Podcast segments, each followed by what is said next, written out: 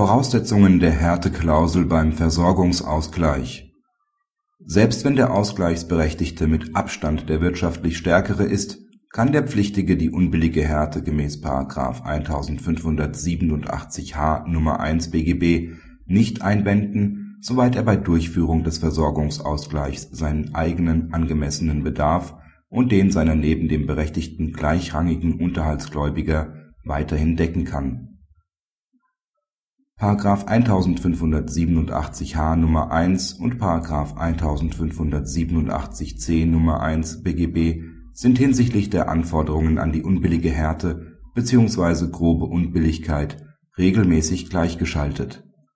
Die Beurteilung derselben obliegt dem Tatrichter. Der Versorgungsausgleich soll, wie auch das Güterrecht, generell die gleichberechtigte Teilhabe der Ehegatten an den während der Ehe erwirtschafteten Versorgungsanwartschaften sichern die Härteklausel des § 1587h Nr. 1 BGB greift daher nur in besonderen Ausnahmefällen.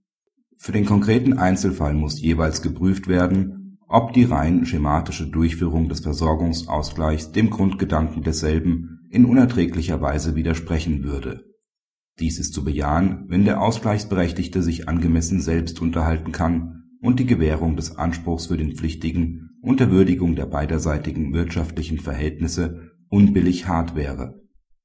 Dies ist der Fall, wenn er seinen eigenen notwendigen Lebensbedarf und den seiner mit dem Berechtigten auf derselben Stufe stehenden Unterhaltsgläubiger bei Durchführung des Versorgungsausgleichs nicht mehr decken kann. Der nach objektiven Kriterien zu beurteilende angemessene Bedarf des Pflichtigen orientiert sich dabei an seinen konkreten Lebensverhältnissen im Zeitpunkt der Geltendmachung des Anspruchs durch den Berechtigten. Kann der Pflichtige diesen Bedarf und den vorgenannter Dritter erfüllen, sind offensichtlich günstigere Einkommens und Vermögensverhältnisse des Ausgleichsberechtigten unschädlich. Nur bei Vorliegen außergewöhnlicher Umstände oder bei extremem Ungleichgewicht in den beiderseitigen finanziellen Verhältnissen käme die Härteklausel dann noch in Betracht. Ausblick mit dem zum 1.9.2009 in Kraft tretenden Gesetz zur Strukturreform des Versorgungsausgleichs bleibt die Möglichkeit eines Ausschlusses oder einer Beschränkung wegen grober Unbilligkeit erhalten. Dabei wird auf einen Fallkatalog wie nach bisherigem Recht verzichtet, wobei auf die bisherige Rechtsprechung Bezug genommen werden kann